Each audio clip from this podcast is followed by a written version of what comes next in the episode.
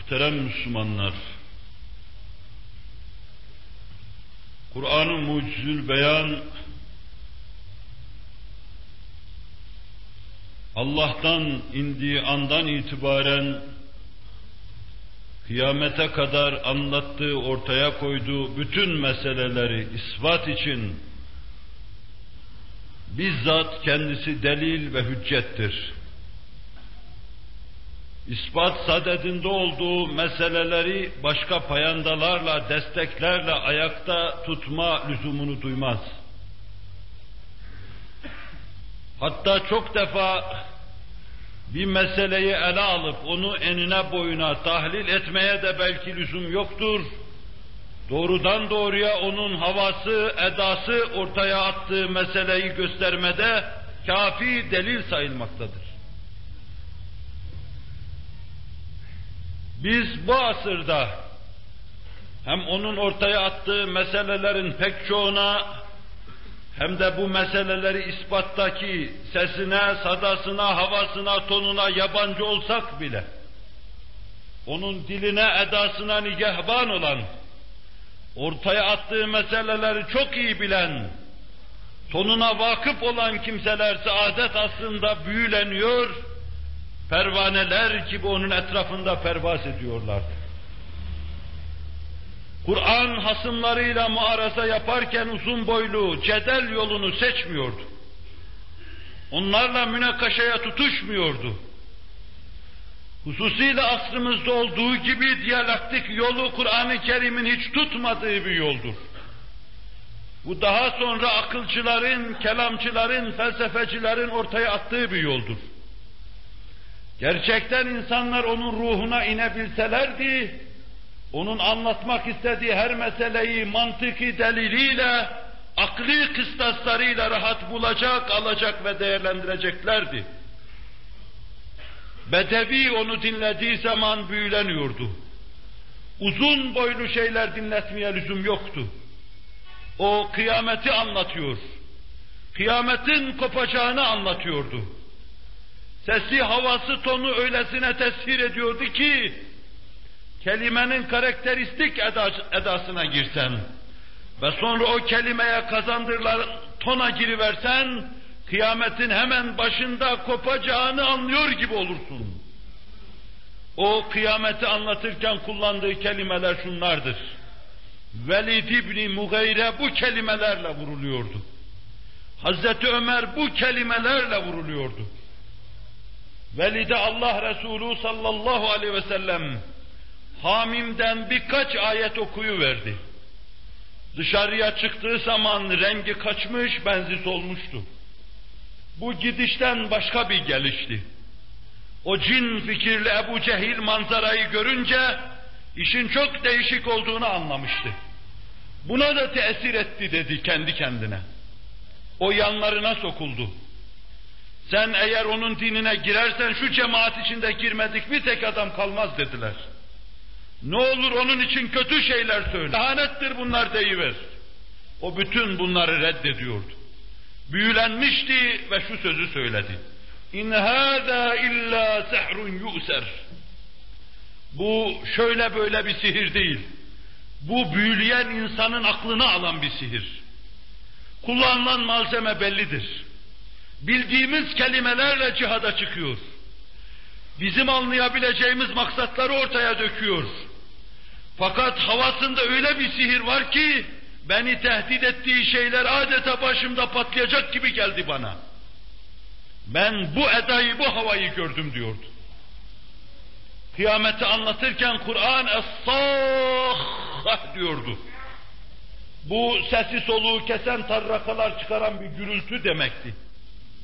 Sesin tonunda öyle bir mana var ki Bedevinin kelimenin ruhuna girmesiyle anlayacağı öyle bir maksat, öyle bir matlup var ki, matlup, kelime, lafız yan yana gelince, lafızlar çatlıyordu bu mana karşısında. İnsanın dimağını da çatlatıyordu.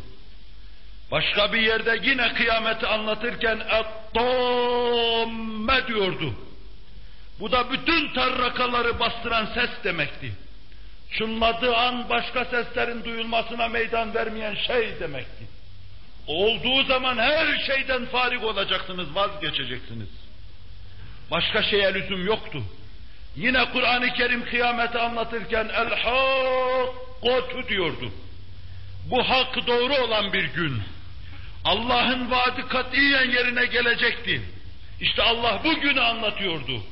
Ama hakka gibi doğru, sadık, sabit manasına gelen bu kelimeye dahi bu ton kazandırılmıştı.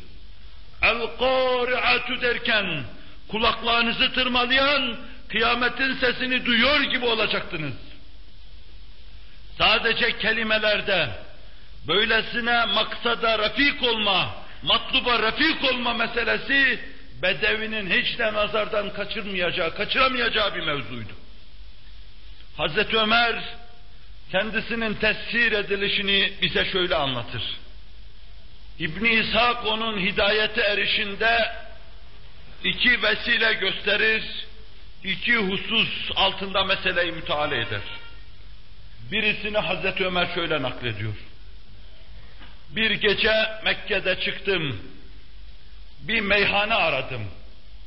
Tanıdığım meşhur bir meyhaneci vardı. Meyhanesine gittiğim zaman meyhaneyi çoktan kapatmış gitmiş, canım sıkıldı. Bir başka meyhane bulsam da biraz rahat etsem, biraz kendimden geçsem diyordu. Cahiliye devrinin insanı huzursuzdu. İman olmadığı için huzursuzdu. Alem sırayla kabre girdikleri ve kabir bütün insanları tehdit ettiği için huzursuzdu. Gidilip de gelinme olmadığı için huzursuzdu. Gönüllere itminan verecek bir manaya nigahban olmadıkları, vakıf olmadıkları için huzursuzdular. Onun için içki gibi, sefahat gibi, zevke düşmek gibi, kadına kıza iptila gibi şeylerle teselli arıyorlardı. Bari başka meyhane dedim. Gittim o da kapanmıştı. Ömer boşuna dolaşıyordu. Hak hidayet etmeyi murad etmişti. Meşiyeti ilahi konuşmaya başlamıştı. Onun dilediğinden başkasını dileyemeyecektiniz. Ömer'i sokacaktı Allah Celle Celaluhu Nebiler Nebisi'nin nur ordusu içine. Birkaç gün evvel ellerini kaldırıp onun için dua etmişti. Dua varacağı makama varmıştı. Dua meleği ala sakinleri tarafından hüsnü kabul görmüştü. Dua yerde kabul şeklinde zuhur edince Ömer nurdan bir halenin içine girivermişti. Ömer boşuna meyhane arıyordu. Bütün meyhane kapıları o gece sürmeliydi, hak sürmelemişti. Ömer için tek açık kapı vardı Beytullah'ın kapısı. Allah'ın evinin kapısı. Oraya vardığı zaman Allah'ın evinin yanında Allah'ın Resulü'nü görecekti. Üç meyhane, beş meyhane, sittin meyhane dolaşsaydı hepsi sürmeliydi. Bari Kabe'ye gideyim bir tavaf yapayım dedim. Kabe'ye geldim. Sessiz adam. Bütün ufuklar sessiz. Yeryüzünde Allah'ı anlayan fazla insan yok. Tek başına bütün küfre, kefereye ve karşısında durduğu Kabe'nin içindeki 360 tane puta meydan okuyan Hazreti Muhammed vardı. Sadece onun sesi duyuluyordu. Allah'ın salat ve selam üzerine olsun. Onu orada görünce içimde bir burkuntu hissettim. Bu gece şu adamı bir dinlesem dedim. Neler diyor dinlesem dedim. O diyor ki namaz kılarken Şam'a doğru namaz kılardı. Ama yine de Kabe'yi önüne alırdı. Şam'a doğru namaz kılmak, Kabe'yi önüne almak için Hacerül Esved'le Rükni Yemani'nin arasında durması gerekirdi. Orada duruyordu. Ben hatim tarafından Kabe'nin örtüsü altına girdim.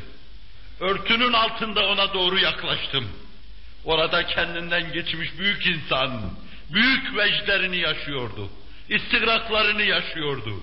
Kendine, sesine, Kur'an'ına kulak vermeyen insanlardan adeta küsmüş gibi Mevla-i Müteala bütün teveccühüyle dönmüş, Kur'an okuyor ve namaz kılıyordu.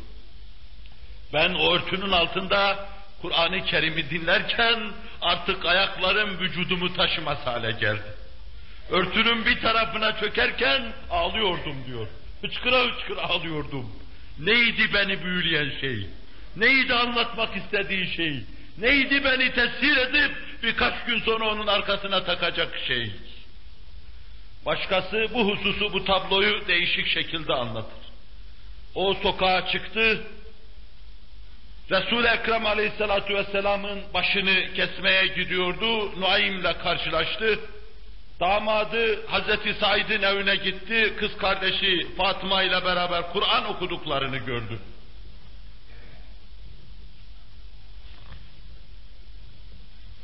Ama bu iki meseleyi tevfik etmek mümkündür. Ömer perdenin altında müteessir olmuştu. Ömer'in içinde buzlar erimeye başlamıştı. Onu birkaç gün sonra gururundan istifade ederek tahrik ettiler. Muhammed'i sen halledersin dediler sallallahu aleyhi ve sellem. Onun başını keser getirirsen Mekke'de Mekke halkı arasında fitneyi yok etmiş olacaksın. Ömer bir bakıma aziz bir insandı. Onurlu bir insandı. Madeninde altın vardı. O daim altınlığını gösterecekti. Ama Nebiler Nebisi'nin potasına düşmediği için içinde posa da vardı. Bu posa da hükmünü icra edecekti. Ömer bir posalık da yapacaktı. Onun için kılıcını beline kuşanmış, onu duyup dinledikten sonra, içinde pek çok buzlar eridikten sonra yola çıkmış Nebiler Nebisi'nin mübarek başını kesmeye azmetmişti. Ama yolda onu eriten hadiseler oldu. Kelimsiz Nüeym karşısına çıktı. Boşuna uğraşıyorsun ya Ömer. Nebiler nebisinin kapısı da sürmelidir. Zannediyor musun birini Allah vazifelendirir de sonra Ömer'in elinin oraya ulaşmasına meydan verir. Zannediyor musun beşeri irşad için gönderdiği kimsenin başını Allah Ömer'e teslim eder diyordu. Onu yere atınca kız kardeşi ve damadının da Müslüman olduğunu anlattı. Ömer iyice sarsılmıştı.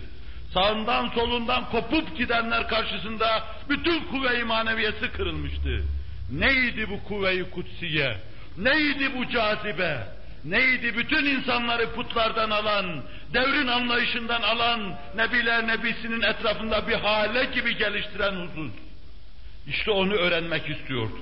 Kız kardeşinin kapısına gittiği an, Kabe'de duyduğu havayı, o havada o tonda Kur'an-ı Mucizül Beyan'ın sesini duyuverdi. Taha suresi Habbab tarafından talim ediliyordu. Kapılar kapalı, esrarengiz evlerin duvarlarının verasında Kur'an-ı Kerim talim ediliyordu. Kafir kanunu, kanunsuzluk kanunu Allah demeyi Kur'an okumayı yasak etmişti. Deyen, okuyan, bunu tedris edenleri takip ediyor, dövüyor ve tartaklıyorlardı.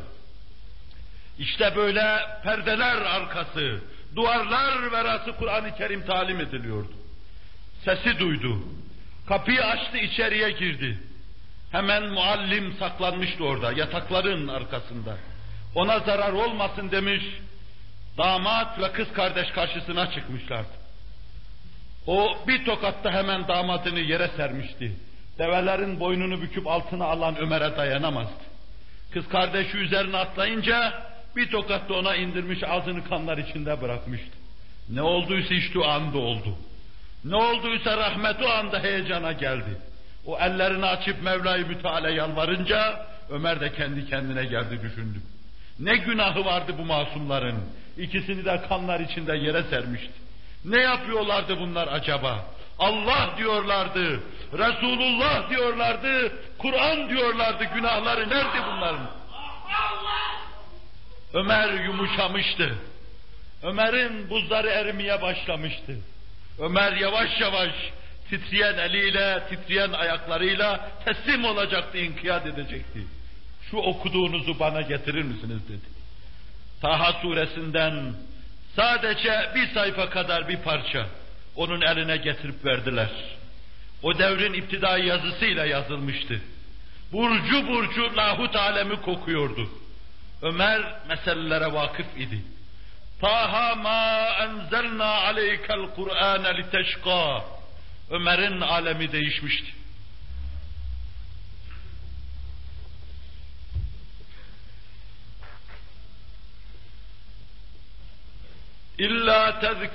Limen yahşa. Tenzilen mimmen halakal arda ve semavatil ula. الرحمن على العرش استوى له ما في السماوات وما في الأرض وما بينهما وما تحت الثرى وإن تجهر بالقول فإنه يعلم السر وأخفى الله لا إله إلا هو له الأسماء الحسنى Ömer kendi kendine mırıldanmaya başlamıştı. Ömer yavaş yavaş değişiyordu. Ömer'in bakışı da değişiyordu. Kur'an tesvir etmişti. Oradan ayakların üzerine doğrulunca, beni onun yanına götürün deyince, ona teslim olmaya karar verince, onlar da Nebiler Nebisi'nin yanına götürmeye karar verdiler. Mesela çoktan Nebiler Nebisi'ne ulaşmıştı. Ömer geliyor. Üç gün evvelin Müslümanı, üç gün evvel Müslüman olmuş Hamza, kapının arkasına sıçramış. Niyeti iyi ise baş göz üstüne geldi. Kötü ise elini kılıcına götürmeden başını indiririm onun demişti. Ömer içeriye girdi ama değişikti. O dev Ömer, iki metreye aşkın boyuyla, ona yakın eniyle, maddi manevi haşmetiyle, celadetiyle Nebiler Nebisine teslim olmaya gelmişti. Allah Resulü eteğinden tutup çekince, teslim ol ya Ömer deyince, o zaten çoktan teslim olmuştu. Kendimi kucağına attım diyor. Attığım içimden bir şeyin çıktığını ve içime yeni şeylerin dolduğunu duydum. Öyle coşmuş, öyle değişmiş, öyle kabına sığmaz hale gelmişti ki, bir gün sonra Kabe'nin duvarı dibinde, o anda duyduğu, doyduğu şeyleri haykırırken onu göreceksiniz. Başına inen sopaların altında, başı gözü yarılmasına karşılık o, Kabe'nin bir köşesinde durmuş, Belki Kur'an dinlediği köşesiydi. Belki ilk eridiği köşesiydi. Başına kafirlerin sopalar inip kalkıyordu. O ise La ilahe illallah Muhammedur Resulullah diyordu. Duyanlar duymayanlara haber versin. Ömer Müslüman oldu diyordu. Teslim oldu diyordu. Ömer'i ufku geniş bu insanı tesir eden şey neydi? Tahadaki esrar neydi acaba? Onu böylesine kendisine bende eden, esir eden ve boynuna takılmış bir ip gibi Nebiler Nebisinin huzuruna, ufuk insanın huzuruna çekip götüren husus neydi? Kur'an'daki büyüleyici keyfiyet, tesir edici keyfiyet, ilahi eda ve ifadenin gönüller üzerinde bıraktığı gölge ve makesti bu. Allah böylesine tertemiz, berrak, duyguların insanın içinde vücut bulmasına sebebiyet veren, heyecan getirici Kur'an'ın heyecanına gönüllerimizi makes eylesin. Kur'an'ın o kas katı asırda meydana getirdiği gönül heyecanını, tıpkı o asır gibi Kur'an'ın getireceği havaya muhtaç, şu 20. asrın cemaatine de Allah lütfeylesin. Ela inne ahsenel kelam ve ebla'n nizam. كلام الله الملك العزيز العلام كما قال الله تبارك وتعالى في الكلام وإذا قرأ القرآن فاستمعوا له وأنصتوا لعلكم ترحمون